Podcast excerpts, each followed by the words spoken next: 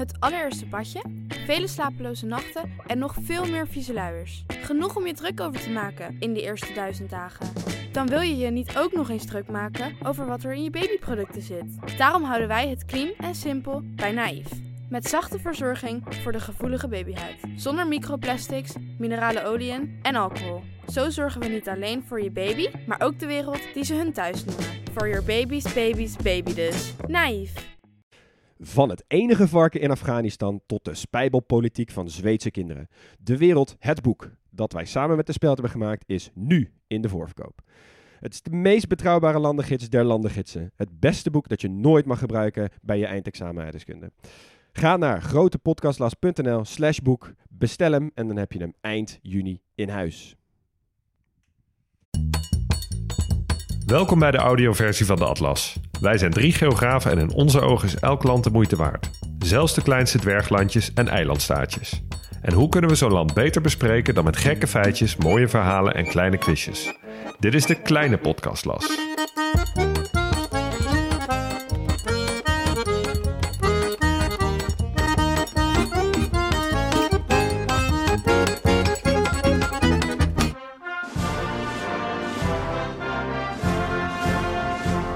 Op het eerste gezicht is Djibouti niet het mooist glimmende beeldje in de vitrine van wereldlanden. Ze staan niet met een obscure cultheld in de top 2000, ze leveren geen legendarische voetballers en ook de wereldkeuken kan wel zonder Djibouti. Dus jij denkt vast dat wij met tegenzin onderzoek hebben zitten doen naar een landje dat misschien alleen hoog eindigt op lijstjes van saaiste landen. Dan zit je er vrij ver naast. Djibouti is namelijk de brugwachter van de wereldscheepvaart. Heb je tijdens het bootje varen wel eens een ijsje gekocht in de tuin van iemand die pal naast een sluisje woont? Of ben je er even naar de wc geweest voor 50 cent? Dat, lieve luisteraars, heeft Djibouti rijk gemaakt. En machtig. Maar daarover later meer. Spannend. Ja.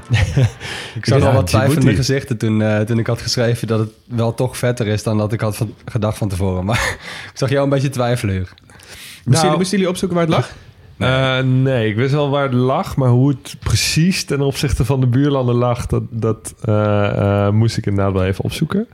Maar eh, ik had er, dit is een van die landen waar ik gewoon echt totaal geen beeld van had. Waar Nee. ik echt vrij blanco mijn onderzoekje in ging. Ja, ja zeker. Dus in die zin, eh, ja, ik had niet hele hoge verwachtingen. Om nou te zeggen dat die echt zijn overtroffen, dat het me enorm heeft verbaasd, dat misschien niet. Maar ehm, eh, ja, het is toch wel weer een, een bij- een bijzonder land. Zeker het bespreken eh waard. Zeker. Ja, ze hebben absoluut dingen die ze uniek las, Ja. Het is niet meer blanco. nee. En dan wil ik je even graag een, eh, een minuutje van jullie tijd kapen, jongens. Want we krijgen natuurlijk wel wat, wat mooie reacties altijd. En eventjes over Mongolië vooral. Eh, er is heel veel te doen over onze aflevering over Mongolië. Want we kregen er heel veel reacties op terug. Vaak hele leuke. Van mensen die leuke verhalen hadden over Mongolië. Die er zelf geweest waren. En die met verhalen kwamen. Dus ik licht er even twee uit. Eentje is van Tjitske. Die, eh, die stuurde ons dat zij dus die Trans-Mongolië Express heeft gedaan met de Platskart. Hè, dus de, de, de, de armste of de, de, de goedkoopste klasse. De houten bankjes. De houten bankjes, ze zei ook, het leek een beetje op een V-truck. Eh, en ze moest verplicht even een selfie maken met de conducteur, met zijn jasje aan. ja, dat is ook zo klassiek, hè? Ja, dan kun je, volgens mij kun je vrienden me- voor het leven maken Ja. met die mannen. Ja. Nou, verder hadden we nog eh, Joachim van der Leij. Die zei dus, je deed eerst Seychelles en toen deed hij de Mongolië. En hij heeft dus toevallig afgelopen zomer precies die vlucht gemaakt. Dus niet rechtstreeks natuurlijk, maar hij ging dus van de Seychelles naar Mongolië. Hoeveel Ja. mensen zullen die vlucht hebben gemaakt in hun leven? Maar wat voor vakantie heb je dan ook? Ja, Ja, goed punt. Ja, Hij zei dat hij wel nog in Ulaanbaatar heeft staan shotten met, eh, met een lokale worstelheld. Die overigens geen Engels sprak, maar wel die gasten zijn levende legendes, zei hij. Ja, natuurlijk. Nou, en dan, we zijn natuurlijk even bezig geweest met het WK. En we maken daarin elke dag een post over de landen die daar spelen. En zo ook over Polen. En dan kregen we nog van iemand een leuke, eh, leuke toevoeging. We hadden een post gemaakt over alle Polen waarvan je niet per se verwacht dat ze Pools zijn. Maar die dat dan toch zijn. Dus eh, Chopin, Marie Curie en die hele lijst. En hij kwam aanzetten met ehm, Maximilian Faktorovic. Deze is zo goed. Een Amerikaans-Poolse ondernemer. Die ging naar Los Angeles. Ging daar in de cosmetica werken. En werd bekend onder Max Factor. Ja, Max Factor, die, de- dat Ja. make-up merk. Echt Komt gewoon van zijn naam. Ja. Ja. Nou, briljant. ja. En dan nog even eentje vanuit mijn persoonlijke koken, jongens. Want wat krijg je als je misschien wel het wildste continent mixt... met het wildste, de wildste bouwstijl waar wij allemaal zo van houden? Wat Afrikaans Afrikaans brutalisme? brutalisme? Daar is gewoon een Instagram-pagina van. Nee joh. Echt? African Brutalism. En het is Geniaal. Ja, dat zal. Dus voor iedereen die een van die twee leuk vindt, of liefst allebei, ga erheen. Eh, heel veel bijvoorbeeld in eh, steden als Abidjan, in Voorkust of in Kinshasa. Ook dat Hotel du Lac in Tunis, die staat erin. Oh ja, oh Het ja, ja. een serieuze mooie foto's Goeie. ook. We zetten hem wel even bij de tipjes op de, onze gloednieuwe website grotepodcastlas.nl. Hey. Want Goed wij zetten altijd uh, lees, luister en kijktipjes bij de verschillende afleveringen die we hebben. En deze past daar mooi bij. Ja. Dus als je die website nog niet hebt gecheckt, ga daar vooral even heen. We hebben er echt maanden aan gewerkt. En check ook vooral de koegfeitjesgeneratoren. Ja, die categoriseren we overigens ook op landen. Dus ga je naar die aflevering over de landen, dan staan ze daar ook allemaal onder elkaar, omdat we ze gewoon bundelen per land. Ja, en na vandaag kun je ze dus van Djibouti ook allemaal teruglezen. Dan is het nog tijd om wat nieuwe vrienden van de show te bedanken. Namelijk Lennart van den Broek, Daphne, Daan, Caro Bullen, en Michiel, Anja Joosten, Julie en Sander Zondervan. Heel erg bedankt allemaal. Dankjewel allemaal. Super. En dan mogen we door met Djibouti. Want, jongens, het is ons eerste land in de hoorn van Afrika. Ja, En eh, ik had er wel zin in. Want ja, er is ook een, een deel van de wereld waar best wel wat landen liggen. En we moesten ze allemaal nog. Dus eh, we Hoe beginnen met de klein trouwens ook, de hoorn van Afrika. Je Ja. weet toch precies waar het over gaat, toch? Er is maar één gedeelte in Afrika wat lijkt op een hoorn. Dat is best een goede term ook. Ja. Nou, Djibouti grenst in het noorden aan Eritrea en in het westen tot aan zuidwesten aan Ethiopië. En in het oosten grenst het aan Somalië. En het ligt natuurlijk lekker strategisch aan de Bab al-Mandeb, de zeestraat eh, van, die de golf van Aden verbindt met de Rode Zee. En uiteindelijk Ja. die dan uiteindelijk ook bij het Suezkanaal terechtkomt. Dus Ja. dat is een van de drugsbevaren zeeroutes van de wereld. Ja. Eh, daarmee is het nog geen 30 kilometer naar Jemen. Dus ja, dat is helemaal niet breed. Nee. En eh, Djibouti is zelf ook helemaal niet zo groot. Want ehm, ongeveer een half Nederland zijn ze. Net zo groot als Belize ongeveer. Eh, er wonen ongeveer een miljoen mensen in Djibouti, waarvan ongeveer 600.000 in de stad Djibouti. Dat is een van die landen die Ja. eh, qua naam van de hoofdstad zelf de naam heeft als het land. Ja. Oeh, ja, Djibouti City, wat hebben we nog meer? Singapore. Oh ja, Guatemala? maak, maak quizje van voor jezelf. Noem maar wat. Ja, Ja? Mexico. Mexico. zijn allemaal goed. Monaco. Hey. Eh, en andere steden zijn er ook eigenlijk niet echt, maar laten we Ali Sabi even noemen. En ik vond, ik vond nog een, pla- een plaats die heette Dick Hill. Ook even noemen. En dan wil ik eigenlijk gewoon Hol Hol ook graag ook nog even noemen. Ehm, en dan in de religie hebben we de islam natuurlijk. Die, eh, dat is de dominante religie. En er wonen ook wel een handvol christenen. Taal, ze hebben officiële talen, hebben ze er twee. Arabisch en Frans. Maar de meeste mensen spreken Somali en Afar. Ja. Ja. En Afar, die taal, die deden ze ook met de Eritrea en het noorden van Ethiopië. ja. Dat is een st- streektaal. En ik dacht, nou, dan ga ik ook hele wilde, mooie achternamen tegenkomen. Maar dat viel eigenlijk wel tegen. Want eh Mohammed, Ali en Ahmed. Ja. En Mohammed en Ali zijn niet dezelfde naam. Ik zeggen, dat is niet één man. Nee. En ehm, ja, jongens, ik heb jullie bij Sierra Leone ook gevraagd naar landen eh, waarvan de vlag blauw, wit en groen is. En we hebben er weer één. Ah, ja. Dus we hebben twee horizontale banen rechts, blauw en groen. En ik wil hem even, eh, eigenlijk even beschrijven als de vlag van Tsjechië. Voor nu, voor eens en altijd. Want ik vind dat heel moeilijk om het uit te leggen. Ehm, precies die vorm. Maar dan in de kleuren blauw, groen en wit. Die driehoek, die is wit. En er staat een rode ster in.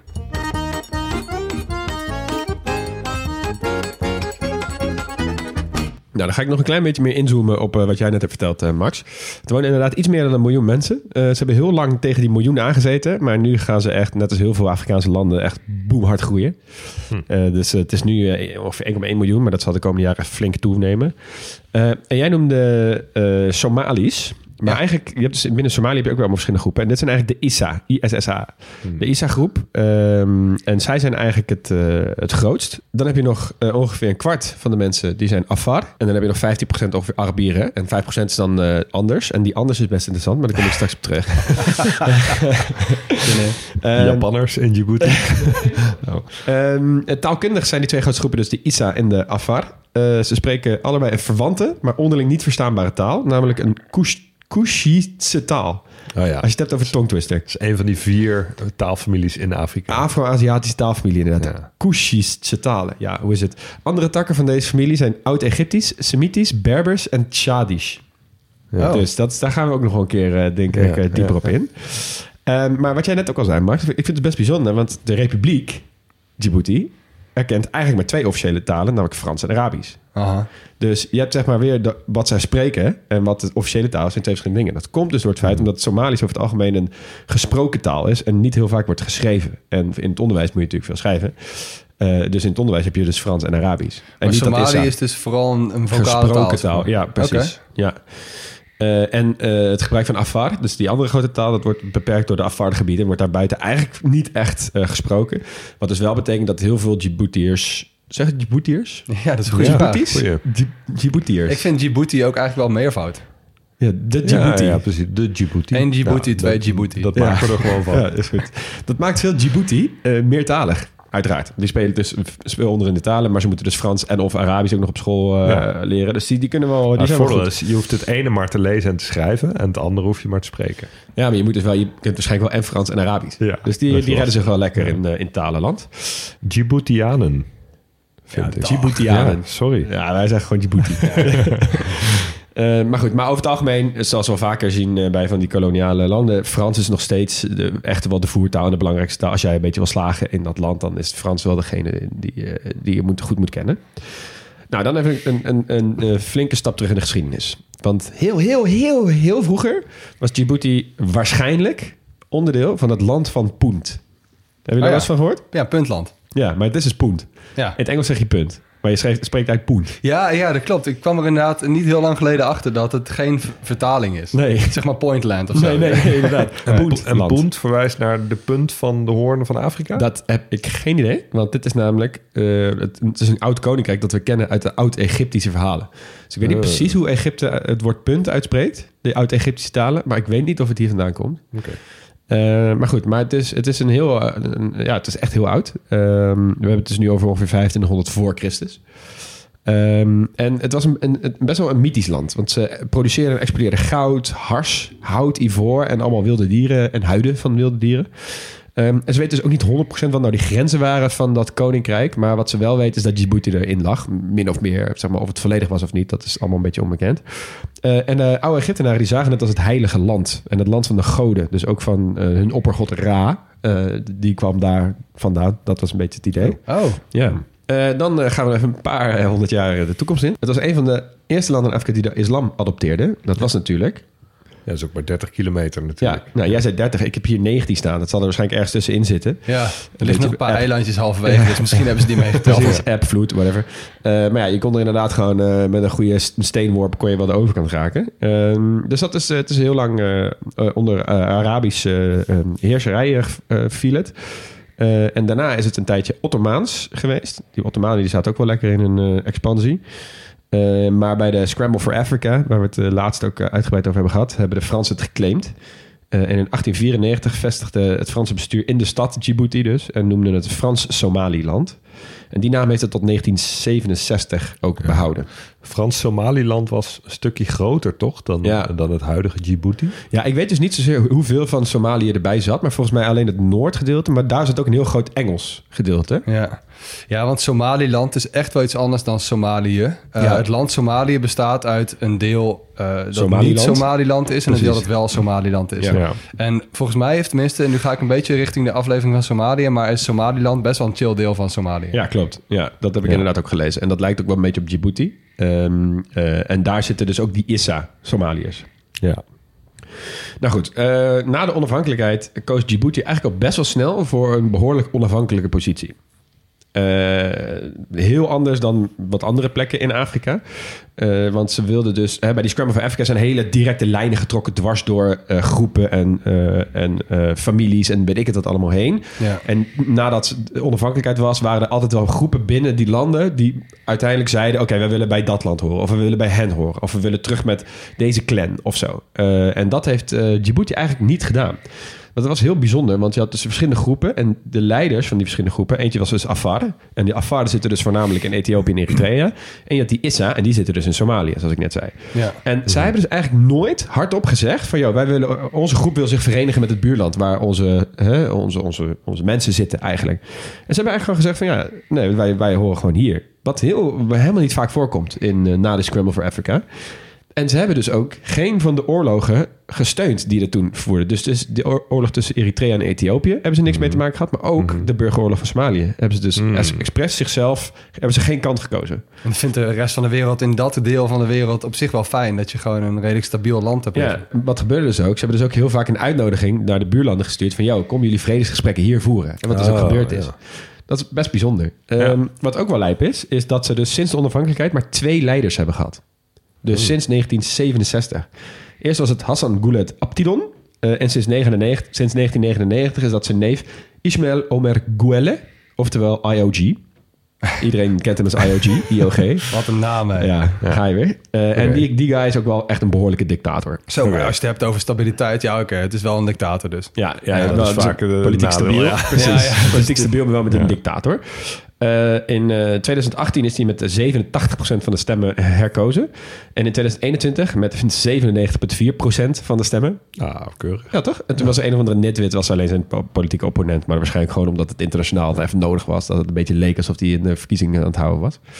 Eh, het land doet het dus ook echt behoorlijk slecht op al die eh, democratische lijstjes. Dus persvrijheid en de Human Development Dit Index. is, weer, dit is weer zo'n typisch gevalletje van een dictatuur die men in het Westen eh, maar al te graag gedoogt waarschijnlijk. Omdat Ja. ja. het is daar in ieder geval relatief stabiel vergeleken met de landen eromheen. Dus die, eh, die kan je maar beter zo houden. Dan Ja, wanneer en- je daar ook nog eens een of andere Arabische lente uitbreekt of zo. Ja. Ja, nou, maar daar, ja, En als precies. Djibouti 4000 kilometer naar het westen had gelegen, dan had het allemaal geen reet uitgemaakt. Daar had niemand zich echt, Nee. daar had niemand zich erom bekommerd waarschijnlijk. Maar dat is inderdaad wat je zegt, Huug. Je, je, je, je maait het eh, gras bij wijze van spreken voor mijn neus weg. Want dat land wordt dus eigenlijk gewoon geregeerd door die IOG... alsof het een beetje zijn eigen bedrijf is. Hij is een van de rijkste leiders van Afrika. ehm, en de mensen van Djibouti die moeten daar dus flink onder lijden. Er is heel hoge werkloosheid, er is heel weinig gezondheidszorg. Eh, een kwart van de mensen leeft in extreme armoede, volgens de Wereldbank. En dat is helemaal niet nodig, want nu komen we op waarom Djibouti eigenlijk zo interessant is. Ze hebben op het wereldtoneel een van de belangrijkste posities in die regio. Want Ja. als er een land is dat ze echt bijna alles te danken heeft aan hun geografische positie, dan is het Djibouti Ja. wel. Ja, de brugwachter. De brugwachter. Ja. Het is een schakel tussen Afrika en het Midden-Oosten en de Indische Oceaan. Het zit echt precies op die, op die driehoek eigenlijk. Eh, de, de cijfers verschillen, maar ongeveer tussen, tussen de 30 en 40 procent van alle wereldzeehandel komt langs Djibouti. Dat is eigenlijk krankzinnig eigenlijk. hè? 30 tot 40 procent. En weet je wat daar veel tussen zit? Olie. Olie. Ja. Hmm. Ja, eh, je moet hier sowieso heen als je naar het Suezkanaal gaat.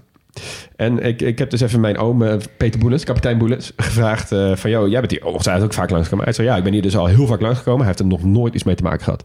Hij zei, één keer zijn we, eh, zij hebben ze een kleine tanker ingehaald daar, een aantal jaar geleden. En toen waren ze er amper voorbij. Toen zagen ze dat die tanker die ze inhaalden werd aangevallen door piraten. En toen konden ze gewoon niet zoveel doen. Dan, dus hij zei, we konden het live volgen, maar we konden niks aan assistentie verlenen. Want ja, jij moet gewoon, je vaart door. Tuurlijk. En zij hebben hele kleine eh, wendbare bootjes. En hij kijkt gewoon... Nou goed, die verhalen over Peter Boelens met die, eh, met die piraterij... die hebben we natuurlijk uitgebreid besproken in de special. ja. Maar best bizar toch? Dat je daar eigenlijk Ja. vrijwel niks mee kan. Ja. Maar goed, om even terug te komen op, op die politieke stabiliteit... waar jij het net over had, Huug. Zij liggen tussen Eritrea, Somalië en Jemen. Ja, veel plezier. Precies, ja. Maar dat is dus precies, kijk, ja, hier gaat dus eh, eh, het belang van stabiliteit wordt door de internationale wereldorde hoger eh, geacht dan het belang van de plaatselijke bevolking, die dan Ja. dus te lijden heeft onder deze dictator. Ja, die denken dan, nou, Ja. boeien. Die mensen die zijn niet zo belangrijk als de olie. Nee. Dat is gewoon echt wel eh, wat, wat die landen zeggen. Want Ja, ik zeg die landen, want... ehm, wij. Wij, onder andere. Maar het is dus ook een plek waar heel veel internationale legers, uitvalsbasis of militaire basis of marinebasis hebben gebouwd. Ja. Ik noem Frankrijk, Italië, Japan en de VS, maar ook China. Sinds Oh. kort. Sinds Ook kort. nog. Rusland heeft geprobeerd, maar ze hebben gezegd: nee, nee, niet Rusland. Ehm, en wat ik dus echt vrij bizar vind, eh, als je het hebt over internationale politiek. Eh, er was een, eh, een, eh, westerse functionaris, een hoge westerse functionaris, die heeft in de Volkskrant het volgende gezegd. Eh, iedere keer als je hoort dat er bij een droneaanval een Al-Qaeda-lid in Jemen of een Shahab-militant in Somalië is gedood, dan kwam die drone vanuit Djibouti. Djibouti's marktwaarde wordt bepaald door één ding, haar geostrategische positie. Dat verkoopt Djibouti aan de wereld en ze verkopen het goed. Ja, Ja. mooi gezegd. Ja. Ja, het is wel wat het is.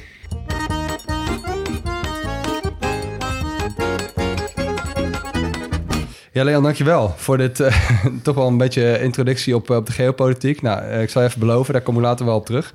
Maar eerst, jongens, ja, bij dit blokje hoort natuurlijk ook de fysische geografie. En eerlijk is eerlijk, ik had me eigenlijk al een beetje voorbereid op het saaiste stukje fysische geografie ooit.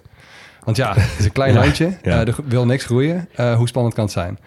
Maar de realiteit is wel net ietsje anders. Oh. Oh? Het is namelijk heel makkelijk om die booty te onderschatten. Dat deed ik ook. Maar het is echt vet. En we gaan heel erg uitzoomen. Ik ga even zitten. Ja, Ik ben heel benieuwd wat hier uitkomt. Aantekeningen, bla- eh, blokje erbij. En eh, kijk, we zeiden natuurlijk vorige keer ook al, hè, eh, Peru heb jij dat heel goed gedaan, uitgezoomd en ingezoomd. Nou, ik ga nu eigenlijk eh, een beetje hetzelfde doen, vooral uitzoomen. Dus geen miertjes en geen vogeltjes, maar echt zieke platentectoniek gaan we nu doen. Oh, vet. Ehm, soms kom je hier ook wel op pagina's tijdens je onderzoek waar je heel snel weg moet wezen als eh, sociaal geograaf. Ik heb er toch een paar dingen leuk eh, uitgepakt. nou, allereerst, Djibouti ligt natuurlijk samen met Eritrea ehm, en die Afar-regio van eh, Ethiopië in de Danakil-depressie. Onthoud even die naam. Dan naar Kil? Danakil-depressie, ja. Ook wel de Afar-driehoek genoemd. En dit is, om er maar even een feitje in te gooien, het warmste gebied ter wereld. Oh. Als je kijken naar de gemiddelde, jaar, of eh, de gemiddelde dagtemperatuur over een heel jaar genomen. En dat is eigenlijk eerlijker dan extreme. Ja. Hè, want die gemiddelde dagtemperatuur, ik bedoel, ja, het is daar gewoon altijd heel warm. Ja. Over een heel jaar gemiddeld is het in Djibouti-stad is het 29,9 graden. Wow. Gemiddeld? De gemiddelde dag? dagtemperatuur. Ja. Oh, maar mij niet bellen. Dus ook in de winter is het daar super warm. En het is dus een depressie. Wat dus een gebied is dat lager ligt dan het omliggende gebied. En ehm, je vindt hier ook het laagste punt van Afrika. Ah, oké. Oh, bij het. Assalmeer. Dat is 155 meter onder zeeniveau. En dat is ook na de Dode Zee het laagste punt ter wereld. Oké.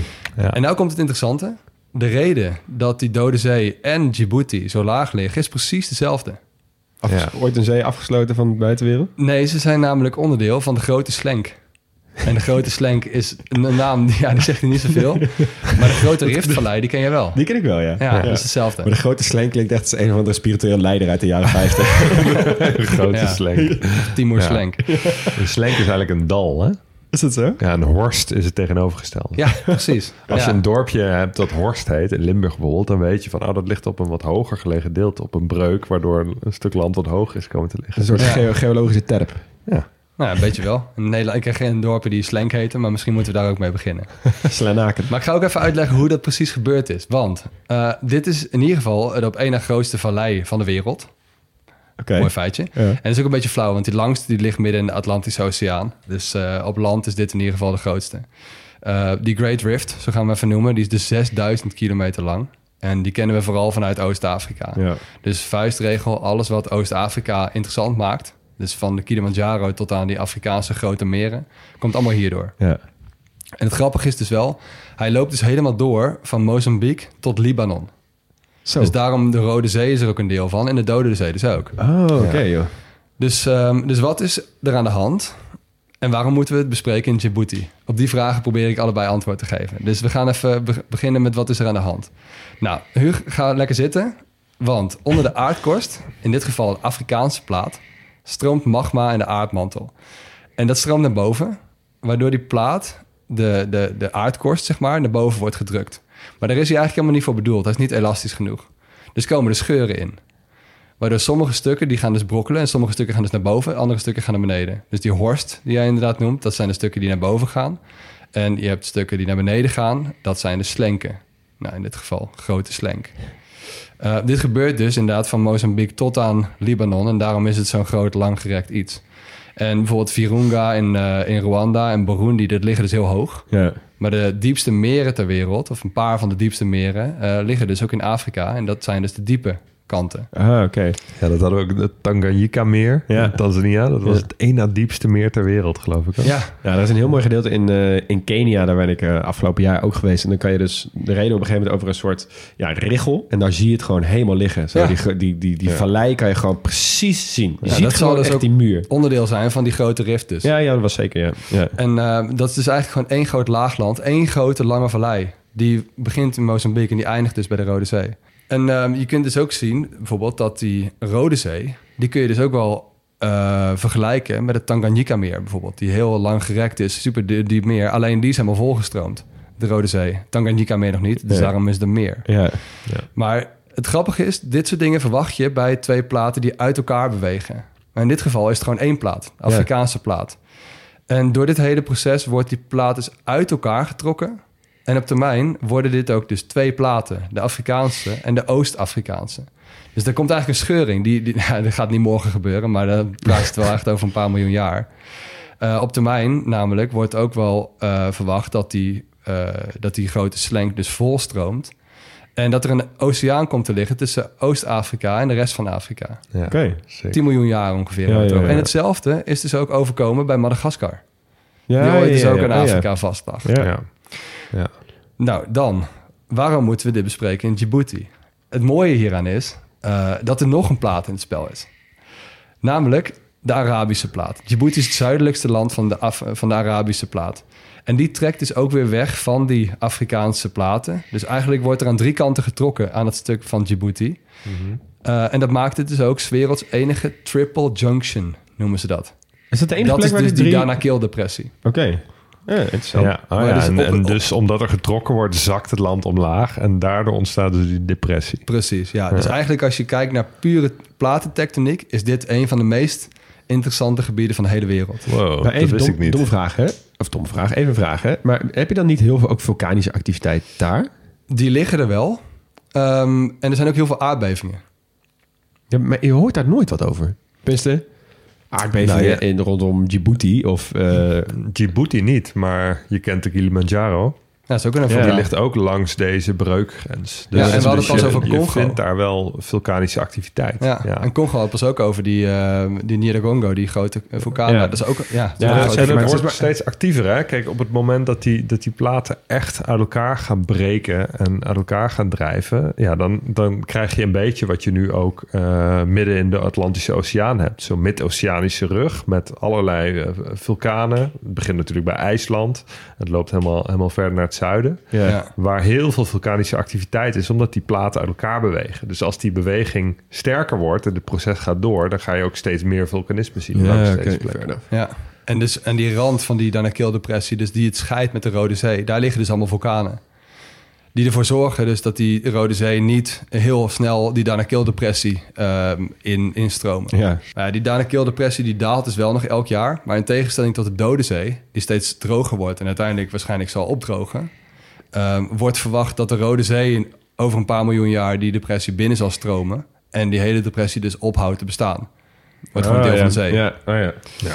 Nou, dat Assalmeer, dat ik het al even heel kort besprak, dat is dus het diepste punt. Eh, ligt dus vlakbij zee en, en staat dus ook in verbinding met zee.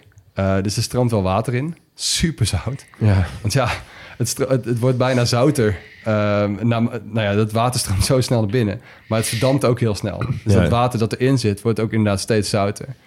Ehm, het is zouter dan de, dan de Dode Zee. En na een of ander Antarctic, eh, Antarctisch meer is het ook het zoutste meer ter wereld. En dat betekent ook dat er redelijk wat zout wordt gewonnen in, in die regio. Dus, ja, dus daar verdienen ze ook wel weer gewoon geld aan. Lekker, laat dat, ja precies, laat dat maar gewoon over. En dat is een klein voorzichtig bruggetje naar de economie die ze, die ze daar hebben.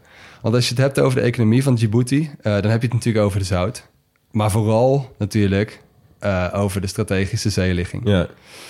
Ehm, dat is toch wel grofweg waar Djibouti zijn relatieve rijkdom aan, eh, aan te danken heeft. En, en politiek en economie gaan daar echt heel, heel goed samen. Het is natuurlijk, hè, Leon, je hebt het natuurlijk gezegd, eh, eerst of enige stabiele land in de regio. Echt het scharnierpunt tussen Afrika en Azië.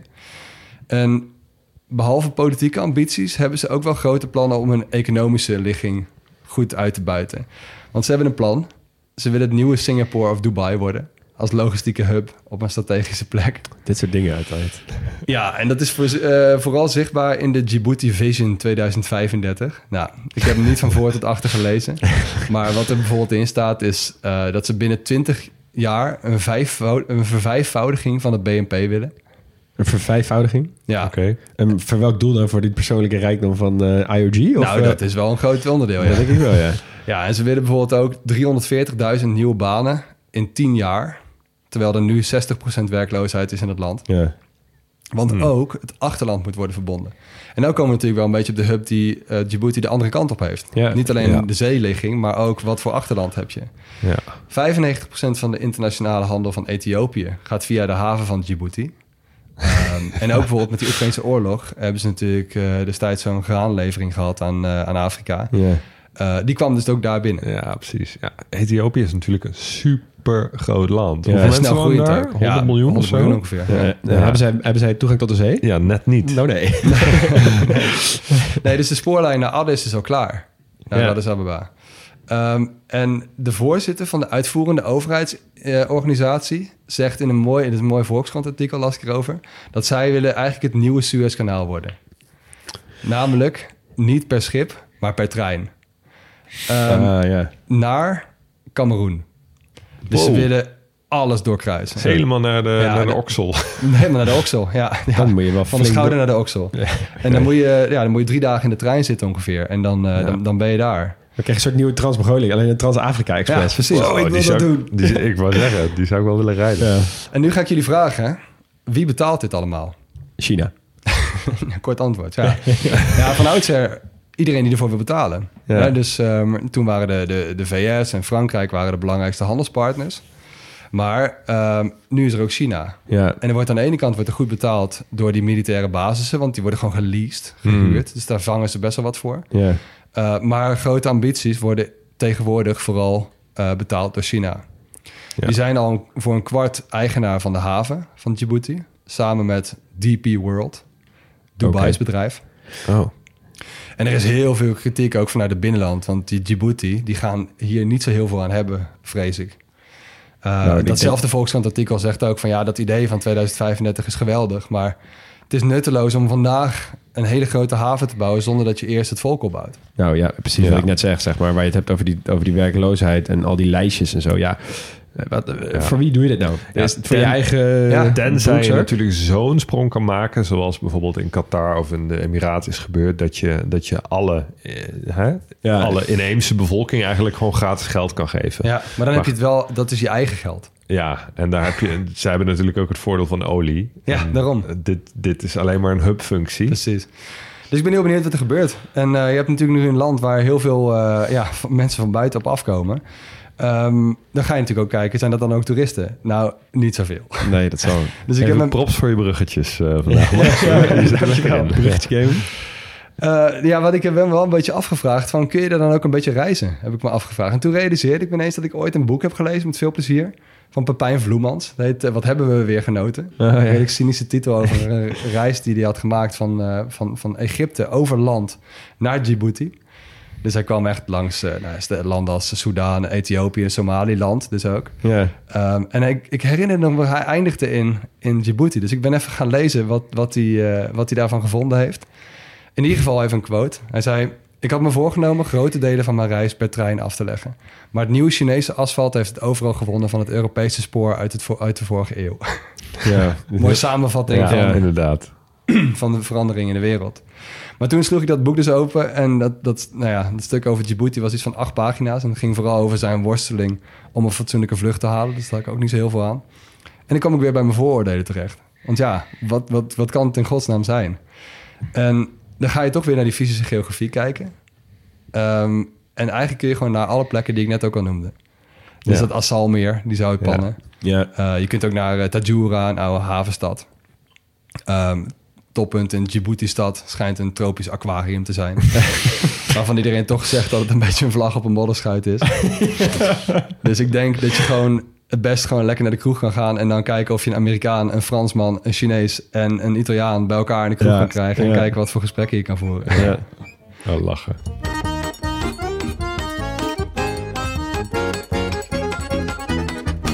Oké, tot slot kunst, keuken en sport. Ehm, en we beginnen natuurlijk even met kunst en dan, eh, dan vooral muziek. Ehm, het Somalische deel van de bevolking, dus de meerderheid, is muzikaal heel sterk beïnvloed door muziek uit Somalië. En Ja. ehm, wat bijzonder is aan Somalische muziek, is dat ze maar vijf noten per octaaf onderscheiden. In plaats van de gebruikelijke zeven. We hebben altijd zeven eh, noten in een octaaf. Oké, ja, ik, heb, ik, heb vroeg- ik mocht niet op muziekles. Dus ik heb, ik, octave is niet mijn sterkste, sterkste punt, moet ik zeggen. Ik mocht wel op muziekles, maar ik heb niks van onthouden. Ja, wij hebben als je een toonladder speelt weer du, du, du, du, du, du, du. En de achtste is dan weer dezelfde als de eerste, maar dan een octaaf hoger. Dus dan heb je zeven verschillende eh, toonsoorten. En in Somalische muziek heb je er dus maar vijf. Ehm, eh, de muziek van de Afar, die zijn meer georiënteerd op Ethiopië, maar ook wel een beetje op de Arabische wereld. Oké. Nou, dat hoor je ook wel terug. En ehm, eh, bij beide muziekvarianten in Djibouti is de tekst heel belangrijk. Het gaat echt om de betekenis van een liedje, eh, meer dan om hoe het klinkt. Dus ja, dat is lastig over te brengen, want wij kunnen het niet verstaan. Maar muziek en poëzie gaan dus echt heel vaak samen. Ehm, ik wil jullie even één eh, bekende Somalische artiest laten horen. Of althans een, een eh, Djiboutiaanse artiest van eh, Somalische etniciteit. Dat is Xabiba Tsabdilahi.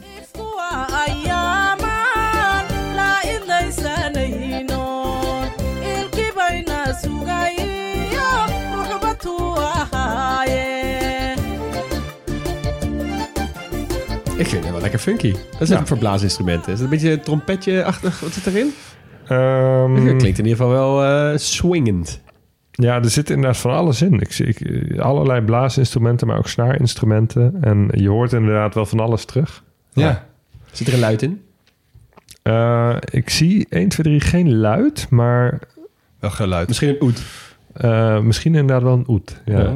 Dat is een soort Arabische luid, toch? Jazeker, Ja. besproken in Qatar. Ja, precies. Dan gaan we ook nog even naar een, eh, eh, een eh, artiest van Afar-etniciteit. en ehm, ehm, ja, een hele bekende was Abdallah Lee. En daar gaan we nu een stukje naar luisteren.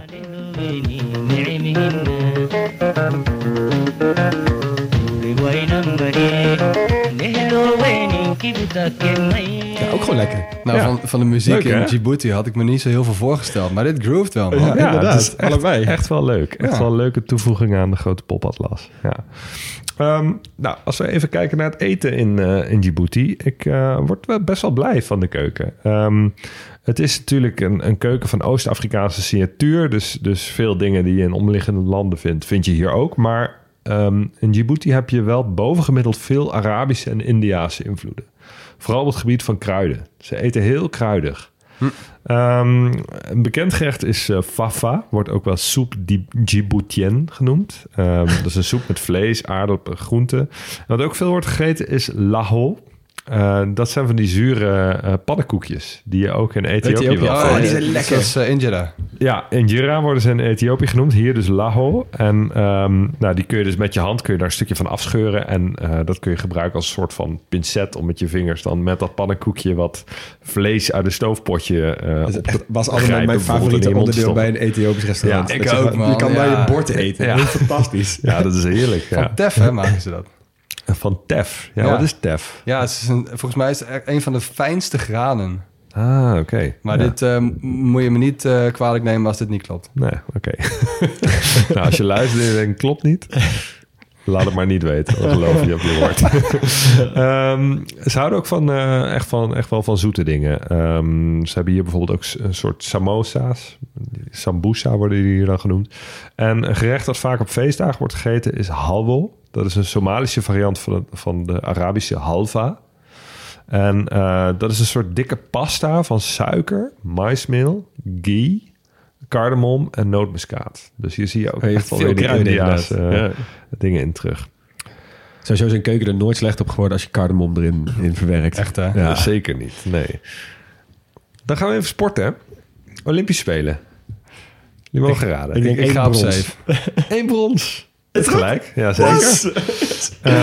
Man. je hebt Ik heb- gelijk dankzij Hussein Ahmed Salah. Die won eh, brons op de marathon in 1988. Ik wou net zeggen, want dat was mijn volgende. Namelijk, wat is die regio? Dat is die legendarische hardloopregio. Klopt. Ze zijn- vallen er volgens mij net buiten. Je hebt zo'n cirkel die je kan trekken. Zo precies rondom Ja. Kenia, Somalië en, en Eritrea. En of, eh, sorry, Ethiopië. Ja. En daar binnenin zit echt iets van 80% van alle Ja. eh, lange Ja, afstanden. maar ik wist niet of die Djibouti daar nou ook in zat. Ik bedoel, die zit er vlak mij- buiten natuurlijk. Maar Ja. je 42 kilometer rent, dan ben je vaak het land al uit. Ja. Nee, of je die- zit in Jemen. En zwemmen. Djiboutianen eh, hebben aardige marathonlopers voortgebracht. Maar n- inderdaad niet van het niveau van de Kenianen of de Ethiopiërs. Anders hadden ze inderdaad wel wat meer bij elkaar eh, gesprokkeld. Maar eh, marathonlopers zijn over het algemeen de meest su- succesvolle sportlui uit Djibouti. Ehm, voetbal is een heel populaire sport. Ze hebben alleen nog nooit gekwalificeerd voor het WK. Zelfs nog nooit gekwalificeerd voor de Afrika Cup. Dus het is wel echt een kleine speler. Ehm, eh, ze hebben sterker nog pas twee keer ooit een kwalificatiewedstrijd gewonnen. Voor, Beetje eh, het, het Liechtenstein van Afrika, zeg maar. ja, een beetje wel. Ja. Ze hebben wel een aantal keer meegedaan aan de Oost-Afrika Cup. Hey. Weer zo'n Ja, obscuur lokaal toernooi. Nou ja, maar dat is, dit is dus wel de oudste eh, Afrikaanse nationale voetbalcompetitie die er is. Nationaal, als in van Djibouti. Ja, nee, van, eh, van Interland, zeg maar. Dus, dus Oh, zo, oké, ja, ja, ja. in- internationale wedstrijden. Ehm, ouder dus dan de Afrika Cup zelf. Maar het is inderdaad wel echt, echt een obscuur toernooi. Want Oost-Afrika is toch het gedeelte van Afrika... waar ze over het algemeen het minst goed kunnen voetballen. en dus organiseren ze zelf maar een, eh, een toernooi. Ja. Ehm, hebben ze een aantal keer meegedaan. Nooit verder gekomen dan de poolfase. Eh, Oeganda eh, is hier trouwens... eh, eh, Herenmeester. recordmeister. Oh ja? Zegt ook genoeg. Ik wou vaak zeggen, ik niet. Zegt ook genoeg, nee. Ehm, en eh, onder de lokale bevolking is de populairste sport eigenlijk misschien wel petanque. Huh. Oh. Jeu de boel. Franse invloed. Ja. Wordt superveel op straat gespeeld. En ik zou daar eigenlijk eh eh, lans, lans willen breken om dat in Nederland ook vaak te doen. Echt Op straat. Ja. Ja, maar het is in Nederland gewoon net niet vaak gewoon het weer ervoor, zeg maar. Nou, dat vind ik echt onzin. Ja, in de zomer kan het wel, maar je hebt En tegenwoordig hoe vaak overal- zit je in een park? Ja, dat Daar is speel waar. je toch ook? Ja, misschien heb je. Sterker nog, ze zijn volgens mij in Nederland steeds meer die baantje aan het aanleggen. En Ja, ik het zie zit toch ook op het sommige veldjes wel, eh, ja, wordt het wel gedaan. Het, het komt inderdaad wel. En dan wordt het wel vaak door ouderen gespeeld. Maar eigenlijk, ik heb het best wel eens gespeeld. En ik vond het eigenlijk altijd heel leuk. Ja. Ik zie me dus zelf dit best wel doen. Op een Nee, middagje in het park met jullie. Je krijgt toch binnenkort eh, weer al die kerstgeschenken en Ja. zo. Dus eh, bedrijven, als je luistert, geef iedereen zo'n set. Zo'n setje. Ja. En dan niet zo Nee, nee, met water erin, maar Ja, maar het is ook heel leuk. Brengt een beetje leven op straat. Dat heb je in, in Frankrijk natuurlijk ook. Maar Ja. ik zie dit wel voor me in Djibouti eh, op, eh, ja. op straathoeken dit gespeeld worden. Ja.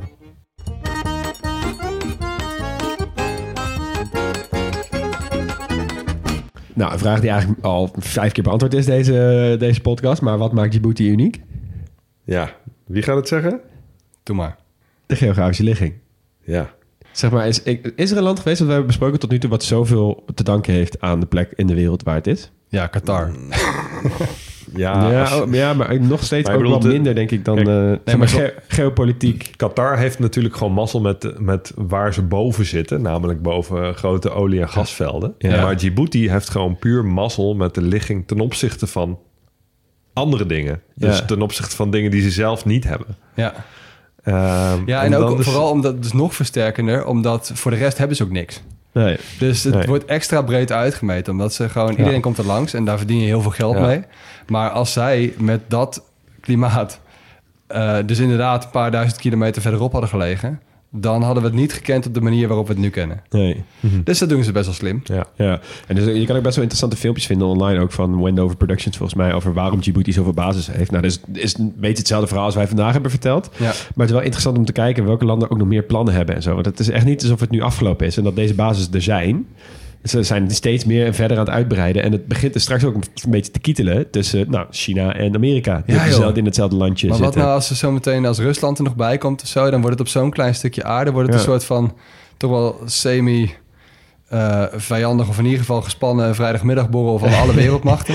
Ja, Die daar allemaal op zo'n klein stukje allemaal een basis hebben. Want die dingen die liggen echt een paar kilometer uit elkaar. ja, hè? zeker. Ja, en- China heeft dan dus, die noemt dat dan geen basis uiteraard. Die noemt het een soort ondersteuningsplek of zo. Is een, een heerlijk diplomatieke Chinese ja. precies term voor. Maar zij hebben voornamelijk natuurlijk dat ze die waterwegen willen beschermen.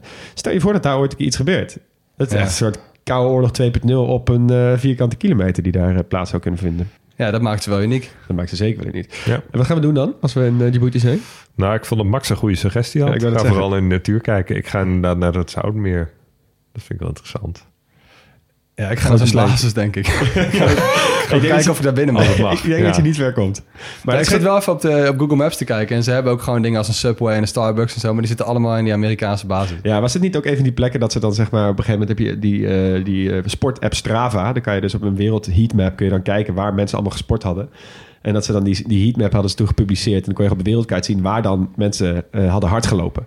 Maar omdat die, al die Amerikanen, die hebben dan al een sporthorloge, zetten ze gewoon aan. Dus je zag allemaal heatmaps in Irak en in Afghanistan, maar dus ook in Djibouti en zo. Allemaal ja. dat soort plekken. Dat iedereen gewoon meteen wist, oké, hier zit een basis, daar zit een basis. En daarna heeft Strava die kaart ook snel offline gehaald. Nee, maar ik ga denk ik wel gewoon in Djibouti stad. Ga ik eerst eh, ergens eh, die injera eten. Ik weet niet hoe- precies meer hoe ze hem heten, hoe ze hem noemen daar. En eh, daarna ga ik gewoon met die lo- locals eh, in een buitenwijk ga ik gewoon petank spelen. Ja, zeker. Ja, Ja, dat is ook een goeie. is wel Leuk, leuk, leuk, leuk. Lieve luisteraars, heel erg bedankt weer voor het luisteren naar dit hoofdstuk van de kleine podcastlas. En wij zijn Leon Boelens, Max Gerrits en Hugo Noordman. En de eindmontage wordt gedaan door Jonas van Impen. We zijn nooit volledig, wel origineel, geen experts, wel liefhebbers. Als we iets verkeerd gezegd hebben, laat het ons even weten via de socials. En ga natuurlijk zeker even naar grotepodcastlas.nl ehm, om, eh, om even alles terug te lezen over Djibouti en over alle andere landen die we al hebben bezocht. Volgende week voegen we daar weer een land aan toe, want dan reizen we naar Maleisië. Nabat Kelio.